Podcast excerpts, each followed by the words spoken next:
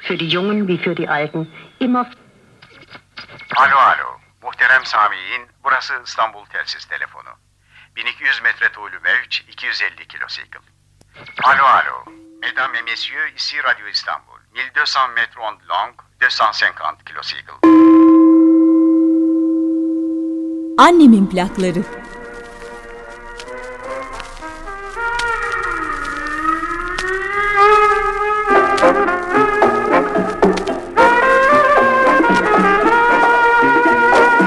Annemin plakları.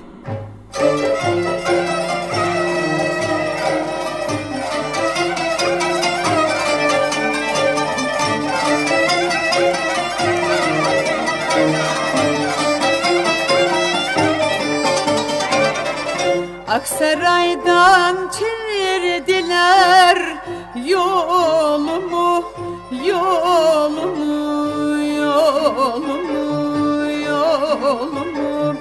Beş on polis bağladılar kolumu, kolumu, kolumu, kolumu. Balat uğramaz doğru fener On paraya nane şeker Ah ah ah ah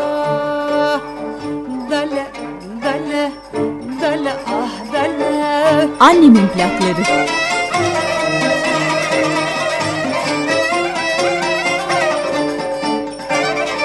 Aksaray'ın paket paket. Taşları taşları taşları taşları. Hilal olmuş o yarimin kaşları kaşları kaşları kaşları balat uğramaz doğru fener on paraya nane şeker. Ah ah ah ah. Dale dale dale ah dale dale dale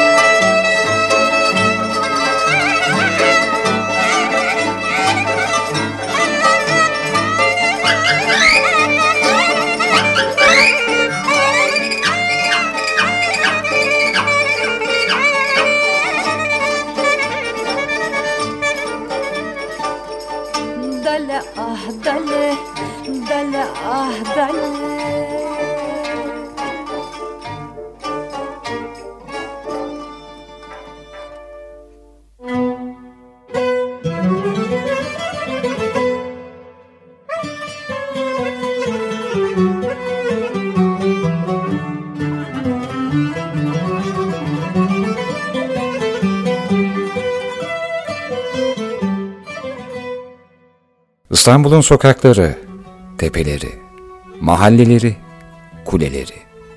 Neresinden tutsanız anlatacak çok şey var. Öyle bir çırpıda İstanbul'u anlatma gafletine düşmek yerine şu kulelerinden biraz tutayım, birer kuble anlatayım dedim. Haydarpaşa tren garında tahta bavulunu yere koyup seni yenmeye geldim İstanbul diyen her yiğit er geç bu kulelere çıkıp teslimiyetine haykırmıştır. Bir şehri her açıdan ve her yerden seyreylemek bu kadar mümkün değildir. İstanbul'da bakmak çok mümkün bir şeydir. Tepelerine çıkarsınız, kulelerine çıkarsınız, Sultanahmet'te eski bir binanın çatısına bile çıksanız, Galata'da bir hanın terasına da çıksanız, İstanbul'un büyük bir bölümünü panoramik görebilirsiniz. Hiçbir şey yapmadıysanız, bir belediye otobüsüyle boğaz içini geçseniz, o da yeter. Hiçbir şehir yoktur ki hem bu kadar kalınası hem bu kadar kaçılası olsun. Hiçbir şehir hem bu kadar sevilip hem de lanet edilmemiştir. Hiçbir şehir aşkı İstanbul'daki kadar vurgun yememiştir. Biliyor musunuz? İstanbul neden böyledir? Ben bunu sorunca düşündünüz mü şimdi? Düşünmeyin. Sadece içinizi dinleyin.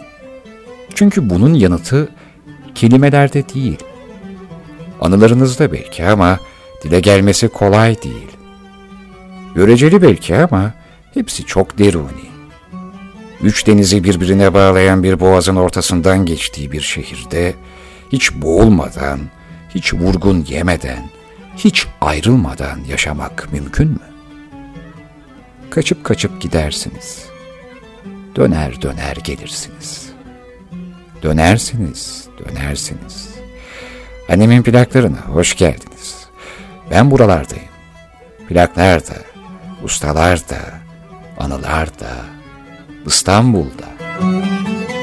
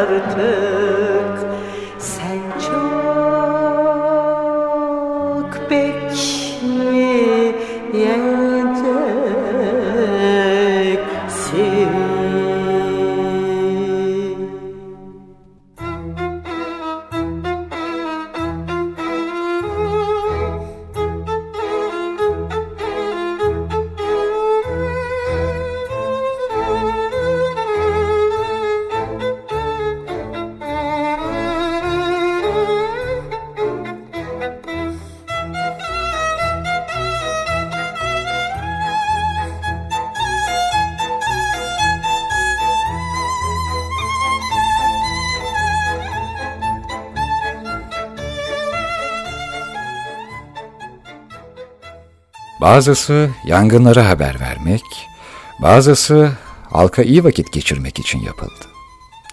Pek çok efsaneye, şiire konu oldular. Aralarında aşk dedikoduları bile çıkarıldı. Aklı havada, başı bulutlara uzanan bu sivri yapılar, modern muadili gökdelenlerden epey farklıydı. Silüetiyle dalga geçmeden, şehirleri masal yerine çevirdiler. Tepesine çıkanı yanında, yöresinde gezeni çağlar ötesine götürdüler.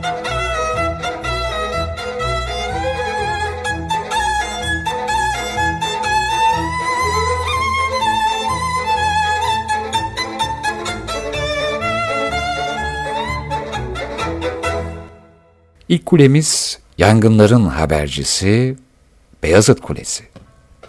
Bugün İstanbul Üniversitesi'nde Beyazıt'taki kampüsünde öğrencileri selamlayan kule aslında 1749'da şehirde sık sık çıkan ve ahşap konakları küle çeviren yangınları haber vermek için yapıldı. Başta ahşap inşa edilen kule 1756'daki Cibali yangınında ve 1826'daki Yeniçeri ayaklanmasında zarar görünce iki yıl sonra Sultan II. Mahmut zamanında Zeneker'in balyana kagir olarak yeniden yaptırıldı. İstanbul'un meşhur yangınları bu kuleden gündüz sarkıtılan sepetlerle, gece ise fener yakılarak haber verilirdi. Beyazıt Kulesi'nden işaretleri gören İcadiye Kulesi top atışı yaparak yangını bütün İstanbul'a duyururdu. Top sesini duyan İstanbullular yangının semtini öğrenmek için köşklü denilen yangın gözcülerini beklerdi. Kulenin geleneklerine göre yangını gören nöbetteki köşklü, ''Aa bir çocuğun oldu.'' derdi. Ağa da sorardı, ''Kız mı oğlan mı?'' Anadolu yakası, Beyoğlu ve Boğaz'ın Rumeli yakası yangınları kız, İstanbul'un iç yangınları da oğlan olarak anılırdı. Haberi alan ağa hemen kalkar, dolaptan bir çanak maytap çıkarıp yakarak İcadiye Kulesi'ne haber verir ve İcadiye'den yedi pare top atılarak yangın tüm ahaliye ilan edilirdi. 256 basamakla çıkılan 85 metrelik Beyazıt Kulesi, Cumhuriyet döneminde de yangın bildirmek ve meteoroloji tahminlerinin duyurulması için kullanılırdı. Kule yeşilse ertesi günün yağmurlu, kırmızıysa karlı, sarı ise sisli, mavi ise havanın açık olacağını müjdelerdi. 1995'te son verilen bu uygulamaya 2010'dan itibaren yeniden başlandı. Kule 2013 yılında müzeye dönüştürüldü.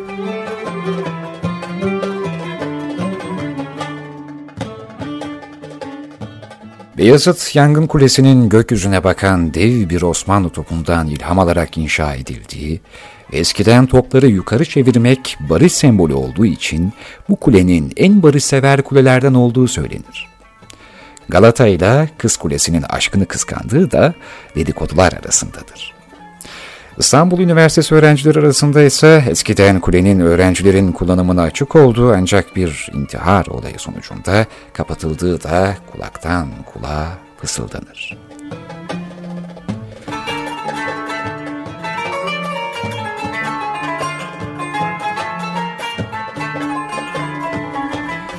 İlk plağımız bir 45'lik plak olacak. Yıldız Ayhan seslendiriyor. Bu kadar İstanbul'dan bahsettikten sonra İstanbullu olmayanların duygularına hitap eden bir eser bu. Yarim İstanbul'u mesken mi tuttun? Yarim İstanbul'u mesken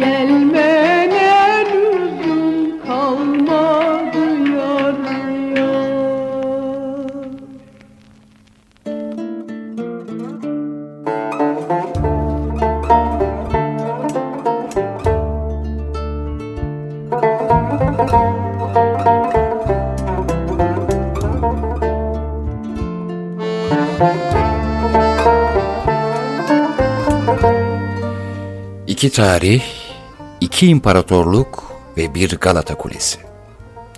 Dünyanın en eski kulelerinden Galata Kulesi'nin kesin yapılış tarihi bilinmese de iki tarih ve iki imparatorun adı tarih kitaplarındaydı. 507'de İmparator Justinianus'un veya 528'de Anastasios'un Fener Kulesi olarak yaptırdığı ileri sürüldü. Bizanslıların Büyük Kule diye andığı Galata, 1204'teki 4. Haçlı Seferi'nde tahrip edilince, 1348'de yığma taşlar kullanılarak yeniden yapıldı. Yeniden inşa edildiği yıllarda İsa Kulesi adıyla da anılan yapının yeni mimarı Cenevizlilerdi. Osmanlı'nın eline geçtikten sonra 1509 depreminde büyük zarar gören Galata Kulesi, devrin ünlü mimarı Hayrettin tarafından onarıldı. 16. yüzyılda Kanuni döneminde Kasımpaşa tersanelerinde çalıştırılan Hristiyan esirler için hapishane olarak kullanılan kule, bu kötü şöhretini Sultan 3. Murat döneminde kaybetti. Sultanın izniyle buradan müneccim Takiyüddin tarafından bir rasathane kuruldu. Rasathane 1579'da kapatılsa da Galata bir kere bilime bulaşmıştı. Çok geçmeden 17. yüzyılın ilk yarısında 4. Murat döneminde Hezarfen Ahmet Çelebi ok meydanında rüzgarları kollayıp talimlerini bitirip burayı gözüne kestirmişti bile.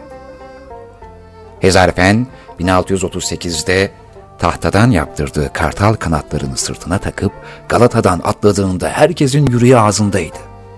Hezarfen'in Üsküdar Doğancılara bu zarif süzülüşü kuşları bile kıskandıracak bu uçuş Avrupa'da da ilgi görürken İngiltere'de bu uçuşu anlatan gravürler yapılacaktı. 17. yüzyılda bir süre mehter takımını ağırlayan kule, 1717'den itibaren İstanbul'da peş peşe çıkan yangınlar yüzünden yangın gözleme kulesi olarak kullanıldı. Ahalinin duyabilmesi ve yangından haberdar olabilmesi için çalınan davulların sesi kulede çınlayıp dururken o yangınlardan birinden Galata'da nasibini aldı ve 1797'de 3. Selim döneminde kulenin büyük bölümü yandı. 1831'de Galata yine şehri kasıp kavuran başka bir yangında hasar görürken başına gelecekler bununla da sınırlı değildi. 1875'te bu kez bir fırtınada sivri külahı devrilen kule bu felaketlerden sonra bugünkü görünümünü 1965'te başlayıp iki yıl süren onarımla kazandı ve yeni bir külaha kavuştu. Pırıl pırıl bir yaz günüydü. Aydınlıktı, güzeldi dünya.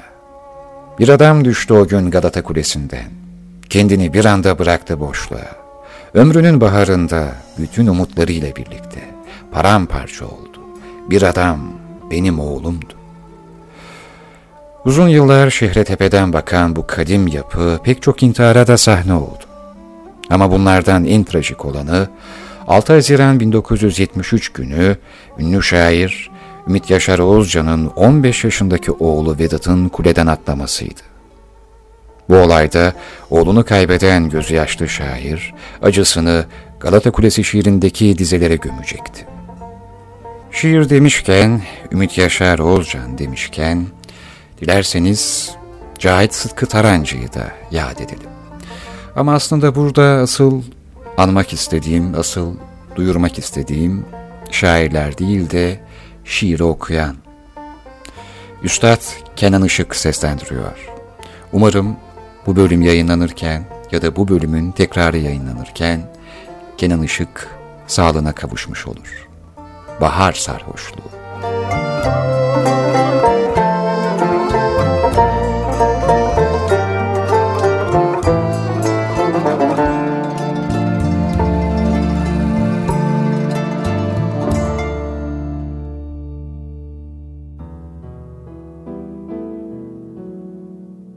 İlk sevgilinin gülüşüne benzer bir Nisan havası değil mi sen?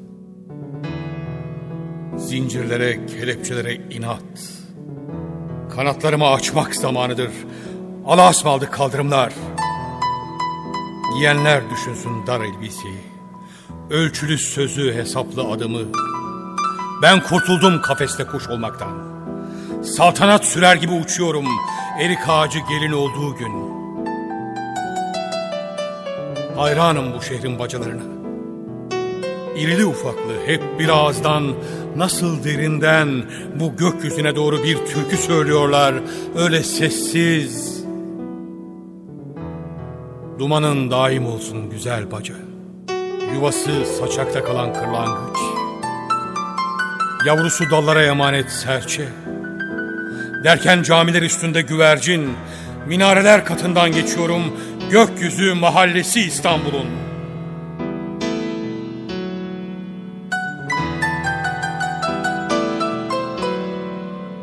Süt beyaz bir martıyım açıklarda.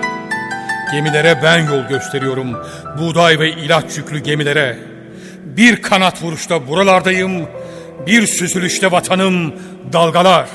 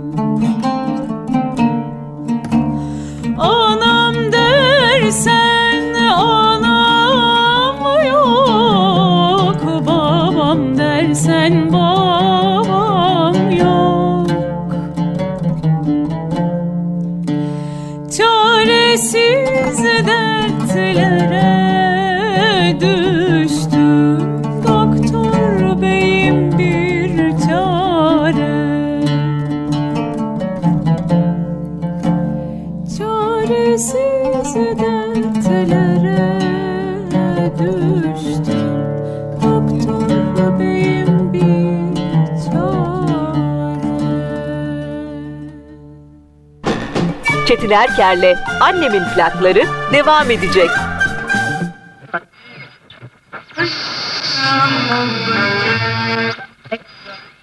Für die Jungen wie für die Alten immer Alo alo. Muhterem Sami'in burası İstanbul Telsiz Telefonu. 1200 metre tuğlu mevç 250 kilosikl. Alo alo. Mesdames et messieurs, ici Radio İstanbul. 1200 mètres ondes longues, 250 kilosikl. Annemin plakları.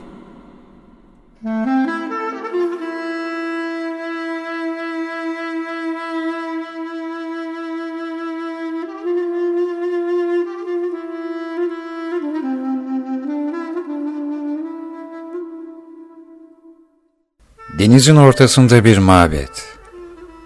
Yoğun İstanbul günlerinde işe giderken ya da işten dönerken defalarca gördüğümüz ama her defasında dalıp dalıp gittiğimiz Kız Kulesi. Antik çağda Arkla yani küçük kale ve Damialis yani dana yavrusu diye anılan bugün Üsküdar Salacak'taki Kız Kulesi'nin tarihi epey eskilere uzanıyor. Milattan önce 410'da Atinalı komutan Alkibiades Asya'dan kopan bu kara parçasına boğazdaki gemileri denetlemek için bir kule inşa ettirdi. Başlangıçta askeri hizmet veren kule, önce 341'de Yunanlı komutan Şares eşi için anıt mezar yaptırınca bu kez romantik bir misyon edindi. Ama burası boğazın o kadar önemli noktasındaydı ki asırlar boyunca kaderi hep başa döndü. 1500 sene sonra kule şehrin savunması için yeniden önemli hale gelince 1143 ve 1178'de hükümdarlık yapan İmparator Manuel Komnenos buraya yine kule yaptırdı ve gemilerin peşine düştü.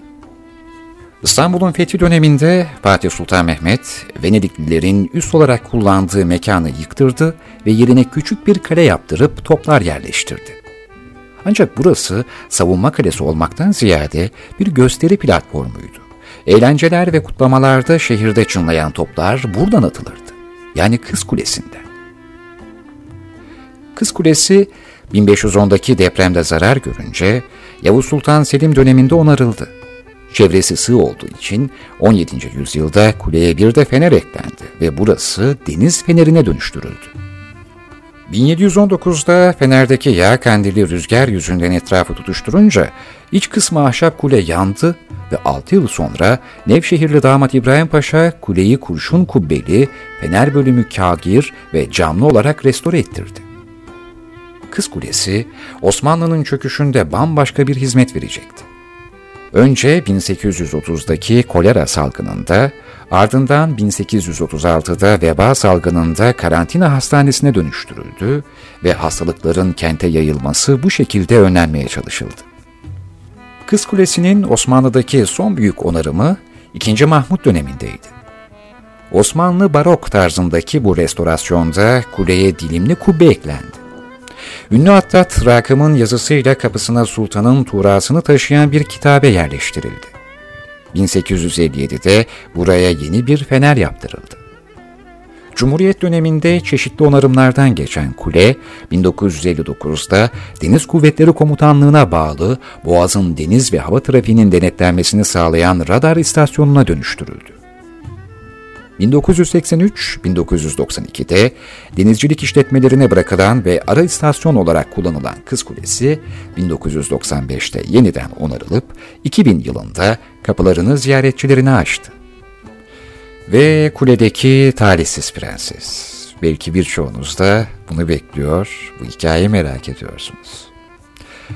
Efendim pek çok efsaneye konu olan Kız Kulesi hakkındaki en bilinen efsane, kadere karşı koyamayan kral ve kızı hakkındaydı. Rivayete göre falcılar, Bizans kralına kızının yılan sokmasından öleceğini söyleyince kral, Kız Kulesi'nin bulunduğu kayalıkları bir ev yaptırıp kızını buraya yerleştirdi.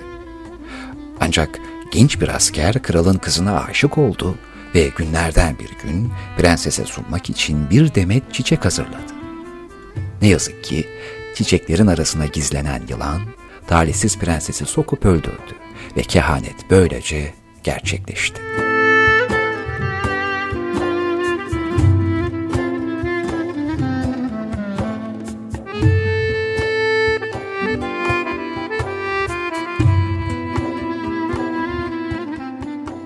Böyle hazin bir sondan sonra isterseniz hareketli bir eser dinleyelim.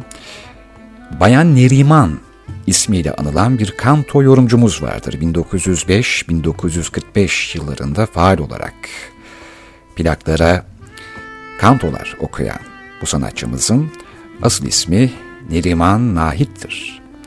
Neriman Nahit'ten dinleyeceğimiz bu plağın isterseniz eser sahibinin biraz da hikayesinden bahsettim. Bu eserin ismi Kara Kız ve benim de çok sevdiğim eserlerden bir tanesi.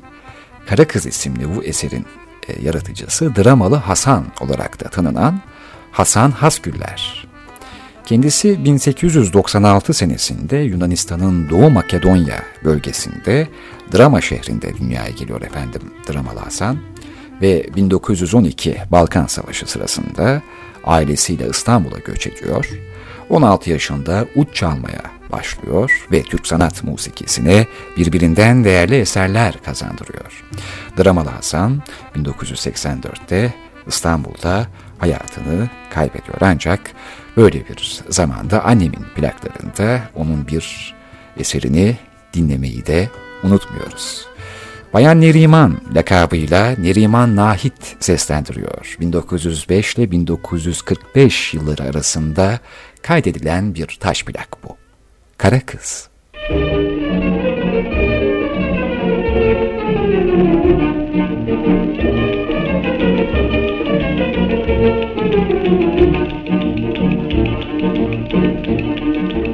Kaşların ne güzellik kara kız Ara sıra gel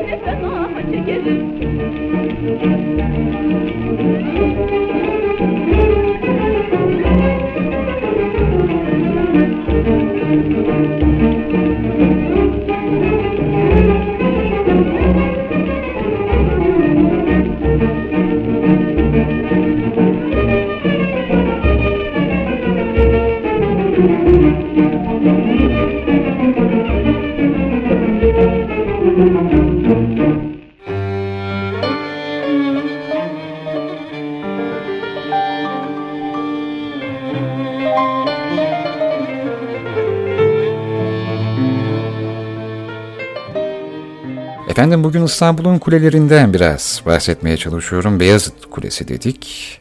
Elbette Galata Kulesi dedik. Kız Kulesi dedik ama Kız Kulesi'nin hikayesi aslında bitmiyor. Bitmez de hiçbirinin bitmez. Yine de biz e, yetiştirmeye e, bu kuleleri kuble kuble anlatmaya çalışacağız. Dolayısıyla Kız Kulesi hakkında en son anlatılan hikayelerden biri de efsaneye göre Battal Gazi askerleriyle Kız Kulesi'ne baskın yaparak kuleye saklanan hazineleri ve Üsküdar Tekburu'nun kızını kaçırıyor. Sıkı bir kovalamacının ardından da peşindekileri atlatan Battal Gazi Üsküdar'dan atını atlayıp oradan uzaklaşıyor. Dolayısıyla atı alan Üsküdar'ı geçti deyiminin sözünün esin kaynağı da işte bu hikayeymiş.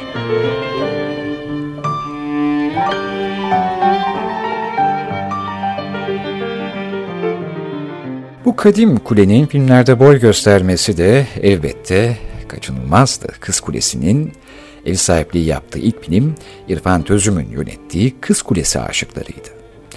1993 yapımı filmde hayatının sonbaharını yaşayan bir şairin düşle gerçek arasındaki tutkulu aşk anlatılırken Nurseli İdiz ve Bektan Algan başrollerdeydi ki benim de iki kere izlediğim bu film aslında Türk sinemasının önemli filmlerinden biri olarak gördüğüm bir çalışmaydı.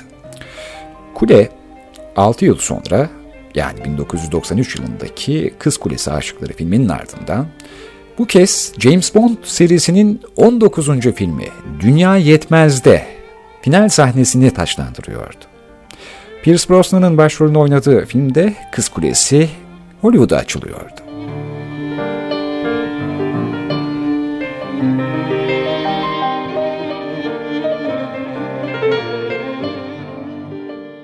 Efendim kulelerden bahsederken 570 e, yıllarından, Cenevizlilerden, daha sonrasında Osmanlılara, Cumhuriyet tarihine ve günümüze kadar, hatta günümüzde Hollywood'a kadar uzanan hikayeler var. Dolayısıyla İstanbul deyince elbette bu şehrin böyle bir şehir olmasında emeği olan, yaşantıları olan pek çok insan var. Bunlardan bize en yakını olansa Yunan dostlarımız. Dolayısıyla ben bir Rembetiko dinletmek istiyorum şimdi sizlere. Her ne kadar daha ziyade Ege kıyılarına ya da İzmir'e hitap edilse de İstanbul'da yaşayan Rumları da göz ardı etmemek lazım. İstanbul dediğimiz zaman İstanbul şarkıları, İstanbul türküleri, Osmanlı saray müziği ve elbette Rumca eserler de vardı. Nasıl biraz evvel e, Bayan Neriman'dan yani Neriman Nahit'ten bir kanto dinlettiysem o yıllardaki taş plak, rembetiko kayıtları da İstanbul sokaklarında yankılanırdı ki hakeza Rosa Eskenazi'de birçok Türkçe eseri de plak okumuştur. Fakat hanımefendinin İme Prezekias isimli eserine ben yer vermek istiyorum. Zira 1920'li yıllarda kaydedilmiş bir plak bu. Rembetiko ve geleneksel Küçük Asya Yunan müziğinin ünlü Yunan şarkıcılarından biridir Rosa Eskenazi. Eskenazi'nin kayıt ve sahne kariyeri 1820'lerin sonlarından 1970'lere kadar devam ediyor.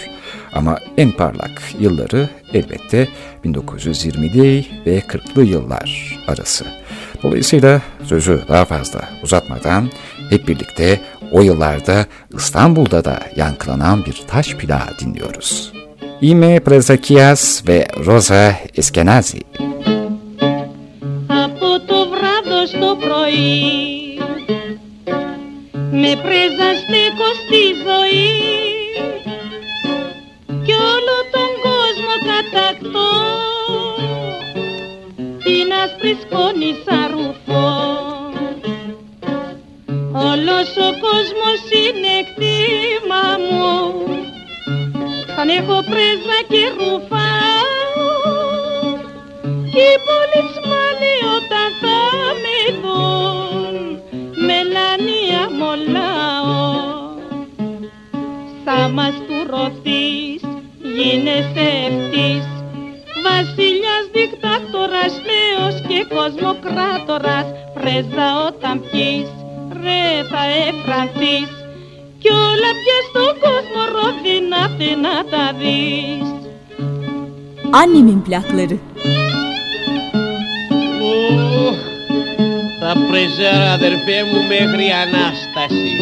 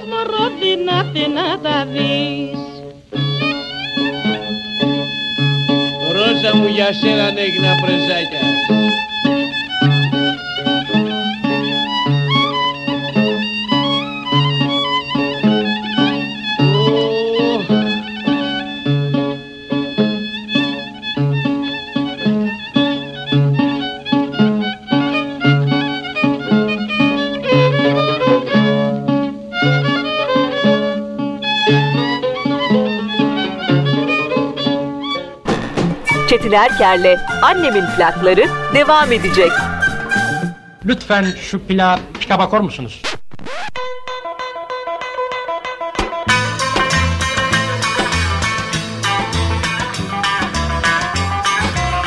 Ben de bu cehennem gibi yürek olmasam Ne olur sormasınlar bana Ne olur söyletmesinler derdimi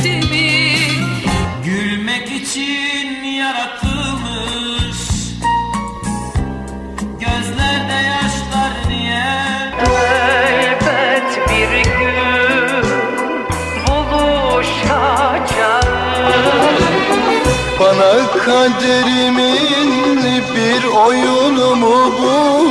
Annemin plakları.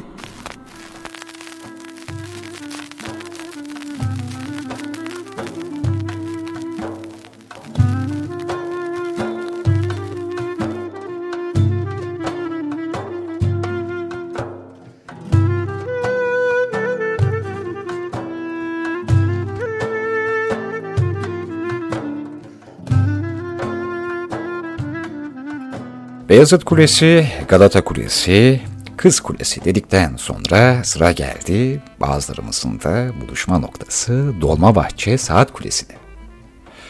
Efendim Sultan II. Abdülhamit 1876'da tahta geçtikten kısa bir süre sonra güvenlik gerekçesiyle Yıldız Sarayı'na taşınsa da Dolmabahçe Sarayı'nı ihmal etmiyor. Orada özel günler kutlamayı, konuklarını ağırlamayı sürdürüyor. Başta İstanbul olmak üzere Anadolu'nun pek çok kentinde yaptırdığı saat kuleleriyle tanınan Abdülhamit, Dolmabahçe'yi de unutmamıştı.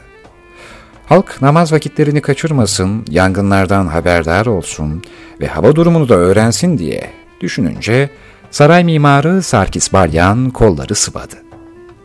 1890-1895 yıllarında inşa edilen bu zarif yapı, hazineden ayrılan 1 milyon 210 bin 550 kuruşa mal oldu. Sultan Abdülaziz döneminde İstanbul'da yapımına başlanan ancak Abdülaziz'in tahttan indirilmesiyle yarım kalan Aziziye Camii'nin taşları kullanılarak inşa edildi. Kıvrımlı süslemeleriyle barok ve ampir tarzda yapılan 27 metre yüksekliğindeki Dolmabahçe Saat Kulesi 94 basamaklıydı.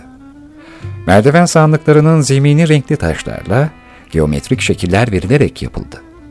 Kulenin her kenarına altışar basamaklı merdiven ve köşelere iki katlı birer fıskiye yerleştirildi.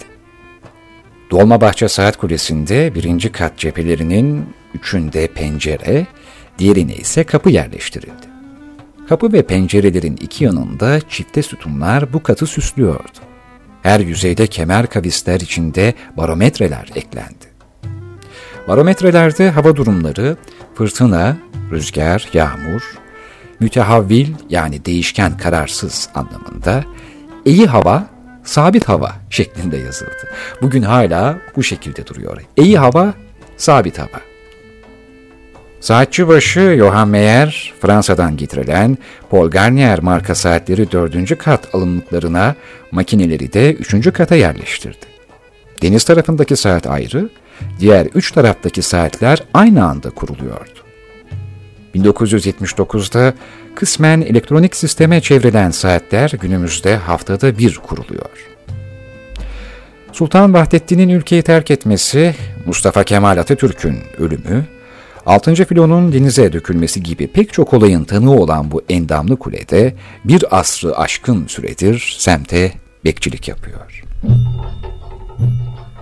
İstanbul'un kulelerinden bahsederken programın başında da dediğim gibi İstanbul'u bir çırpıda her şeyini anlatmak gibi bir gaflete düşmek çok doğru olmazdı tabii ki. O yüzden en azından bu bölümde kulelerinden bahsedelim dedik. Ama İstanbul'un şarkılarını ve türkülerini de bugün için özellikle e, bu plakları bugün getirdim ve şimdi yine bir 45'lik plak geliyor. Nur Hayat Beşiz seslendiriyor.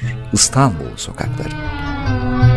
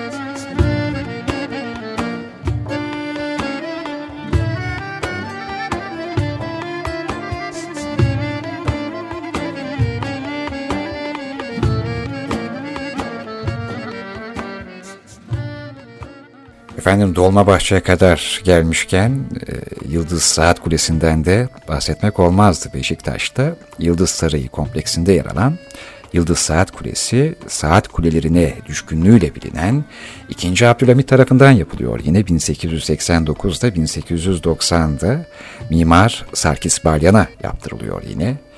Hamidiye Camii'nin bahçesinde bulunduğu için Hamidiye Saat Kulesi olarak da bilinen bu kule Osmanlı ve neogotik tarzda inşa ediliyor. Köşeleri kırık dört cepheli sekizgen olarak tasarlanıyor. Bu tasarımıyla Yıldız Saat Kulesi kutsal bir doğu mekanı olarak Hamidiye Camii'nin yanı başında batıya selam gönderiyordu. 20 metre yüksekliğindeki 3 katlı kule göğe doğru uzanırken aşağıdan yukarıya doğru incelen bir formdaydı. Kulenin iki katında 4 adet yazıt, ikinci katında bir termometre ve barometre, yonca yaprağı kemerli pencerelerle süslü en üst katında ise saat odası bulunuyordu. Termometrede eski Türkçe olarak mütehavvil, rüzgar ve yağmur gibi havanın durumu yazıyordu. Sivri ve dilimli bir kubbeyle örtülü kulenin örtü kısmında yine dilimli kemerli çatı pencereleri yer alıyordu. Dekoratif çatısı üzerinde bir pusula ve zirvesinde rüzgar gülünün taşlandırdığı kule 1993'te bir onarım geçirdi. Yıldız Saat Kulesi 21 Temmuz 1905'te 2. Abdülhamit'e karşı Hamidiye Camii'nin önünde düzenlenen bir bombalı suikast girişiminin de tanıklarındandı. Hatta padişahın suikastten kurtulması üzerine Tevfik Fikret bir lahzayı tahur yani bir anlık duraklama şiirinde Ey şanlı avcı damını bir hude kurmadın.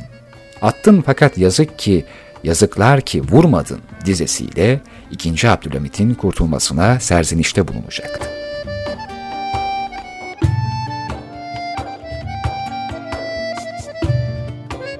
Efendim dilerseniz bir İstanbul türküsüyle devam edelim. Zehra bilir, sever misiniz? Cumhuriyet dönemi ilk meşhur kadın türkücülerimizden Müzeyyen Senar'ın da çağdaşıdır aynı zamanda Zehra bilir. Sahneye halk kıyafetleriyle çıkarmış ve muhtemelen e, bu akımında öncüsü olarak kabul ediliyor Zehra bilir. Daha önceki bölümlerde de Bediye Akartürk'ün bu yönünden bahsetmiştim.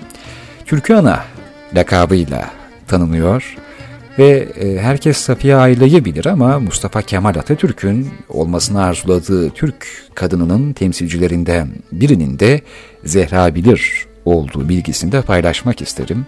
Mustafa Kemal'in e, Safiye Ayla gibi dinlemeyi çok sevdiği ve önünün açık olmasını temenni ettiği sanatçılarımızdan bir tanesi. Halk müziğini halk tarafından söylendiği şekliyle yani aksan ve şiveleri olduğu gibi muhafaza ederek, icra ederek bir çığır açıyor. Zehra bilir. Dolayısıyla türkünün e, formunu değiştirmediği gibi aksan ve şivelere de özen gösteriyor. Mendiliyle bir dönem efsane olan bir sanatçımız e, Zehra bilir ve Arap Kirli. Madem bu kadar bahsettik nereli olduğunu da söyleyelim.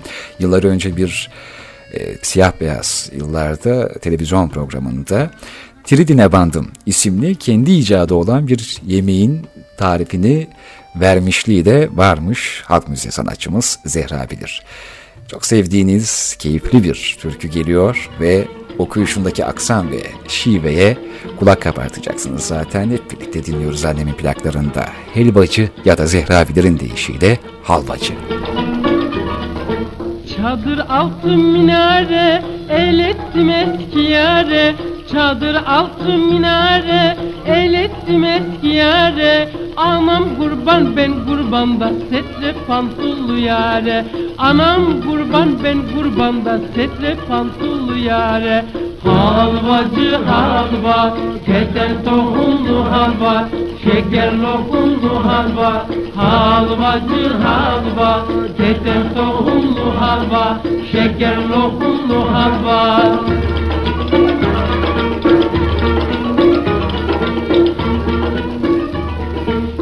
Kara koyun etli olur, kavurması tatlı olur. Kara koyun etli olur, kavurması tatlı olur. Dul yerine varan kız da ölmez ama dertli olur. Dul yerine varan kız da ölmez ama dertli olur. Halvacı halva, keten tohumlu halva, şeker lokumlu halva. Halvacı halva, keten tohumlu halva, şeker lokumlu halva.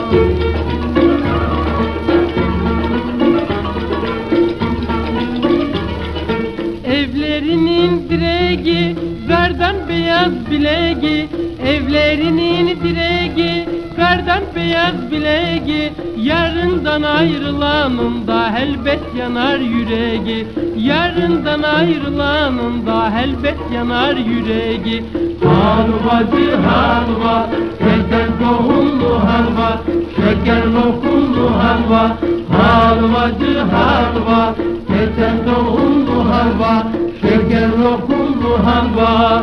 Annemin plakları.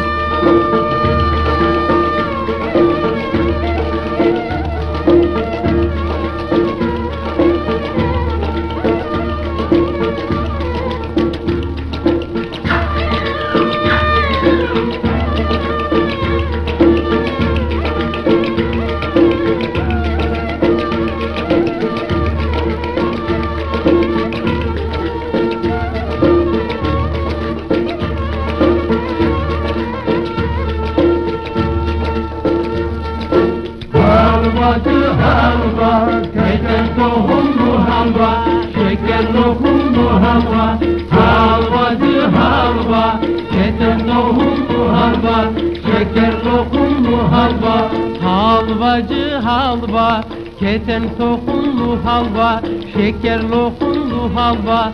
Halvacı halva, keten tohumlu halva, şeker lokumlu halva.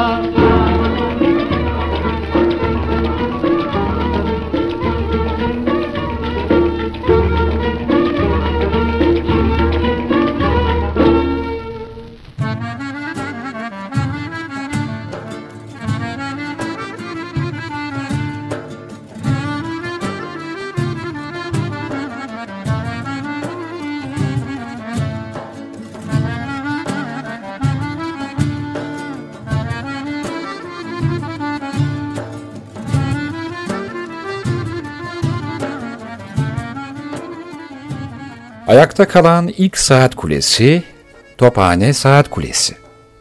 Tophane'deki Nusretiye Camii'nin yanında yer aldığı için Nusretiye Saat Kulesi diye de bilinen Tophane Saat Kulesi, İstanbul'un bugün ayakta kalan ilk saat kulesiymiş. Sultan Abdülmecit'in 1848-1849 yılları arasında yaptırdığı Tophane Saat Kulesi'nin mimarı kesin olmamakla birlikte kaynaklarda Bali Balyan olarak geçiyor. Yukarı doğru kademeli daralan dört katlı yapının dört cephesi birbirine eş tasarlanmış. Kulenin denize bakan cephedeki kapısının üstünde Abdülmecid'e ait tuğra yer alıyor. 15 metre yüksekliğindeki Tophane Saat Kulesi'nde yon başlıklar ve ampir süslemeler göze çarpıyor. Kadranlarındaki eski Türkçe ile Zenit yazısı okunan bu zarif eser 1913'te geçirdiği yangının ardından 1950'lerde Adnan Menderes dönemindeki yol çalışmaları sırasında deniz kıyısındaki yerinden ayrılarak gümrük antrepoların karşısına yerleştiriliyor. Günümüzde İstanbul Modern'in bahçesinde bulunan kulenin 2010 Avrupa Kültür Başkenti Ajansı'nın desteğiyle restore edileceği söylense de bu proje gerçekleşmedi. O yüzden kulenin eskiden 4 saati varken şimdilerde 2 tanesi mevcut. Saatin bulunduğu yerdeki camlar kırık. İngiliz yapımı mekanizması ise maalesef çalışmıyor. İstanbul'un kuleleri biter mi? Bir de Hatice Sultan'ın anısına yapılan Etfal Hastanesi Saat Kulesi var. Düşürmesin ama e, Etfal Hastanesi'ne gittiğinizde görürsünüz. İtalyan mimar Daranco tarafından tasarlanan bu kule, hastanenin bahçesine 1907'de Mühendishane-i Humayun hocalarından Mahmut Şükrü Bey gözetiminde inşa edilmiş. Sultan aynı yıl kulenin altına mescit ilave ettiriyor ve Etfal Hastanesi'nin orijinal yapılarından sadece bu iki eser günümüze kalabilmiş. Melon Şapkalı Kule diye de e, betimleniyor Etbal Kulesi. Kulenin üzerindeki minik bir yapı göğe uzanan bir melon şapkayı andırdığından dolayı. Efendim bugün e, İstanbul'un kulelerinden bahsetmeye çalıştım. Derleme ve kaynak olarak da Emel Gülcan'a bir teşekkürü de borç biliyorum. Elbette İstanbul'dan bu kadar bahsederken İstanbul şiirlerine, İstanbul şarkılarına, türkülerine ve tabii ki anılarına yer vermeye çalıştım. Taş plaklarımız ve 45'lik plaklarımızda da İstanbul'u anlatan çok eser var. Hepsi bir bölüme sığacak gibi değil elbette ama bizim de daha çok anlatacak şeyimiz var. Sadece kuleler değil, e, bakarsınız ilerleyen günlerde de İstanbul'un tepelerinden bahsederiz. Ama şimdilik dedim yani İstanbul'u elime attığım zaman ilk elime gelen kuleler, en ele gelen kuleler, bu kulelerden kubleler kabilinden biraz anlatmaya çalıştım. Biraz hafızamızı tazelemiş olduk. Biraz İstanbul'u gezesimiz geldi. Eğer gerçekten öyleyse bir gün bir kulenin dibinde belki bakarsınız buluşuruz.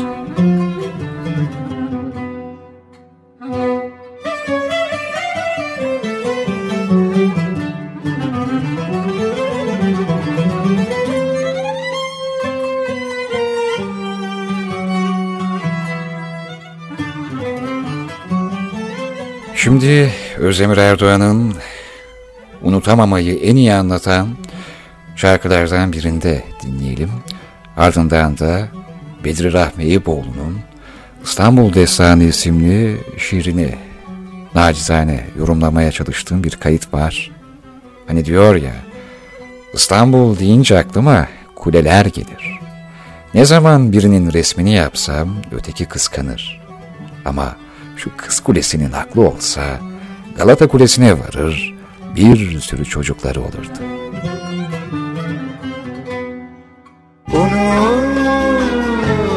Unuturamaz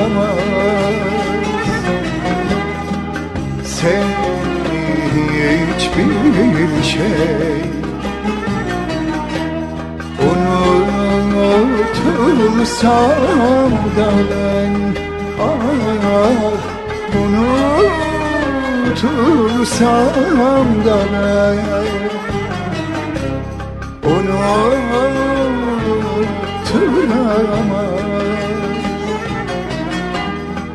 Seni hiçbir şey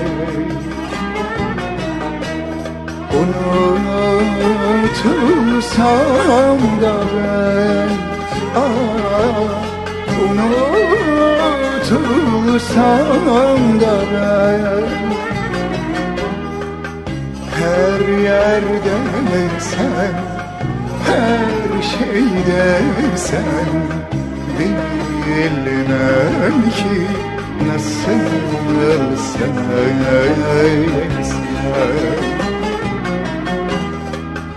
Her yerde sen Her şeyde sen bilmem ki? Nasıl sen öyleysen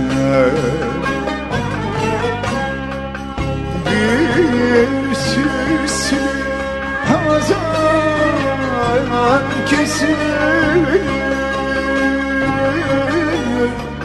Ruhum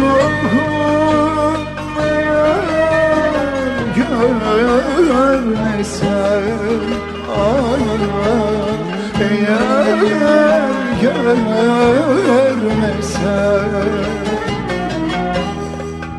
Neşem gelsen Hüznüm gelsen Bilmem ki nasıl söylesen Neşem gelsen Hüznüm desen Bilmem ki nasıl söylesen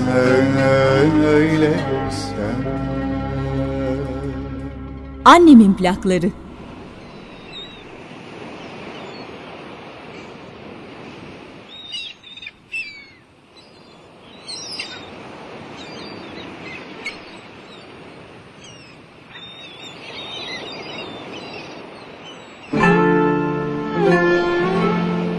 İstanbul deyince aklıma martı gelir. Yarısı gümüş, yarısı köpük, yarısı balık, yarısı kuş. İstanbul deyince aklıma bir masal gelir. Bir varmış, bir yokmuş. İstanbul deyince aklıma Gül Cemal gelir. Anadolu'da toprak damlı bir evde Gül Cemal üstüne türküler söylenir. Süt akar cümle musluklarından, direklerinde güller tomurcuklanır. Anadolu'da toprak damlı bir evde çocukluğum Gül Cemal'le gider İstanbul'a, Gül Cemal'le gelir. İstanbul deyince aklıma kocaman bir dalyan gelir. Kimi paslı bir örümcek ağı gibi gerinir Beykoz'da, kimi Fenerbahçe'de yan gelir. Dalyanda kırk tane orkinos, kırk değirmen taşı gibi dönmektedir. Orkinos dediğin balıkların şahı, orkinos mavzemle gözünden vurulur. Denizin içinde ağaçlar devrilir. Kan çanağına döner dalyanın yüzü. Cam göbeği yeşili bulanır. Bir çırpıda kırk orkinos. Reisin sevinçten dili dolanır. Bir martı gelir konar direğe. Atılan kolyosu havada yutar. Bir başkasını beklemez gider. Balıkçı gülümser tatlı tatlı. Adı Marika'dır bu martının der. Her zaman böyle gelir, böyle gider. İstanbul deyince aklıma adalar gelir. Dünyanın en kötü Fransızcası orada harcanır. Çalımından geçilmez altmışlık madamların, ağzı dili olsa da tenhadaki çamların, görüp göreceği rahmeti anlatsa insanların. İstanbul deyince aklıma kuleler gelir. Ne zaman birinin resmini yapsam öteki kıskanır. Ama şu kız kulesinin aklı olsa Galata kulesine varır. Bir sürü çocukları olur. İstanbul deyince aklıma Tophane'deki küçücük bir sokak gelir. Her Allah'ın günü kahvelerine Anadolu'dan bir sürü fakir fukara gelir. Kimi dilenecek dilenmesine utanır. Kiminin elinde bir süpürge peyda olur uzun. Dudaklarında kirli paslanır tebessüm. Çöpçü olmuştur bugüne bugün. Kiminin sırtında perişan bir küpe, kiminin sırtında nakışlı semer. Şehrin cümbüşüne katılır gider. Kalın yağlı bir kolana koşulur. Piyano taşırlar omuz omuza. Kendinden ağır yükün altında adamlar bal mumu gibi erir dururlar. Sonra kanter içinde soluk alırlar. Nazik eşya, nazik hamallar ister neylersin? Ama onlar kadar piyanoyu ciddiye alırlar mı dersin? İstanbul deyince aklıma Yahya Kemal gelirdi bir eyyam. Şimdi Orhan Veli gelir. Deminden beri dilimin ucundasın Orhan Veli. Deminden beri senin tadın, senin tuzun. Senin şiirin, senin yüzün. Yarılı bir güvercin misali başımın üstünde dolanır durur. Gelir sessizce konar bu şiirin bir yerine. Neresine mi arayan? Erbabı bilir. Deli eder insanı bu şiir. Deli. Kadehlerin çınlasın Orhan Veli. İstanbul deyince aklıma Said Faik gelir. Burgaz Adası'nda kıyıda mavi gözlü bir çocuk büyür döne döne. Mavi gözlü bir ihtiyar balıkçı gencelir küçülür. İkisi bir boya geldi mi Said kesilirler. İstanbul deyince aklıma Sait'in son yılları gelir. Hey Allah, en güzel çağında Sait'e 4-5 yıl ömrün kaldı denir. Sait Sait olur da nasıl dayanır? Mavi gözlü çocuk boş verir ölüm haberine, ihtiyar balıkçı pis pis düşünür. Bir zehir yeşilidir açılır, bir yeşil ki ciğerine işler adamın, bir yeşil ki kasıp kavurur, küçük mavi çocuk, ihtiyar balıkçı ve dilimize bulaşan zehir yeşili. İstanbul çalkalandıkça bu denizlerde dipdiri, dilimiz yaşadıkça yaşasın Said'in şiiri. İstanbul deyince aklıma Sabiyem gelir. Sabiyem boynundan büyük bir demetle, sarı yerden gelir, Pendik'ten gelir. Bahar nereden gelirse velhasıl Sabiyem oradan gelir. Ne delidir ne divane, aslını ararsan çingenedir. Tepeden tırnağa güneştir, topraktır, anadır, analar içinde bir tanedir. Biri sırtında, biri memesinde, biri karnında. Karnı her daim burnundadır. Canını mendil gibi takar dişine, yürekten bir şeyler katar dişine. Bir ucundan girer şehrin ötekinden çıkar. Alçak gönüllüdür Sabiye. Hem masa satar hem göbek atar. Ver bir çeyrek güzelim der. Neyse halin o çıksın falin. Canı çıkar Sabiye'min falı çıkmaz. Sonra anlatır dün gece başına gelenleri. İstanbul deyince aklıma ağzına kadar soğan yüklü bir taka gelir. Sülyen kırmızısı üstüne zehir gibi yeşil. Samsun'dan Sürmene'den Sinop'tan yaz demez, kış demez mutlaka gelir. Kirli yelkeninde yeni bir yama, demirinin pası gelir dilime. Nabzımda duyarım motorunun hızını. Canımın içine sokasım gelir. İri kalçaları pullu deniz kızını. İstanbul deyince aklıma takalar gelir. Alçak gönüllü, kalender, ya Ferengi Derya'dır adları ya Şimşiri Zafer. İstanbul deyince aklıma Koca Sinan gelir. On parmağı on ulu çınar gibi her yandan yükselir. Sonra gece kondular gelir ardı sıra isli paslı yetim. Ey benim dev memesinden cüceler emziren acayip memleketim.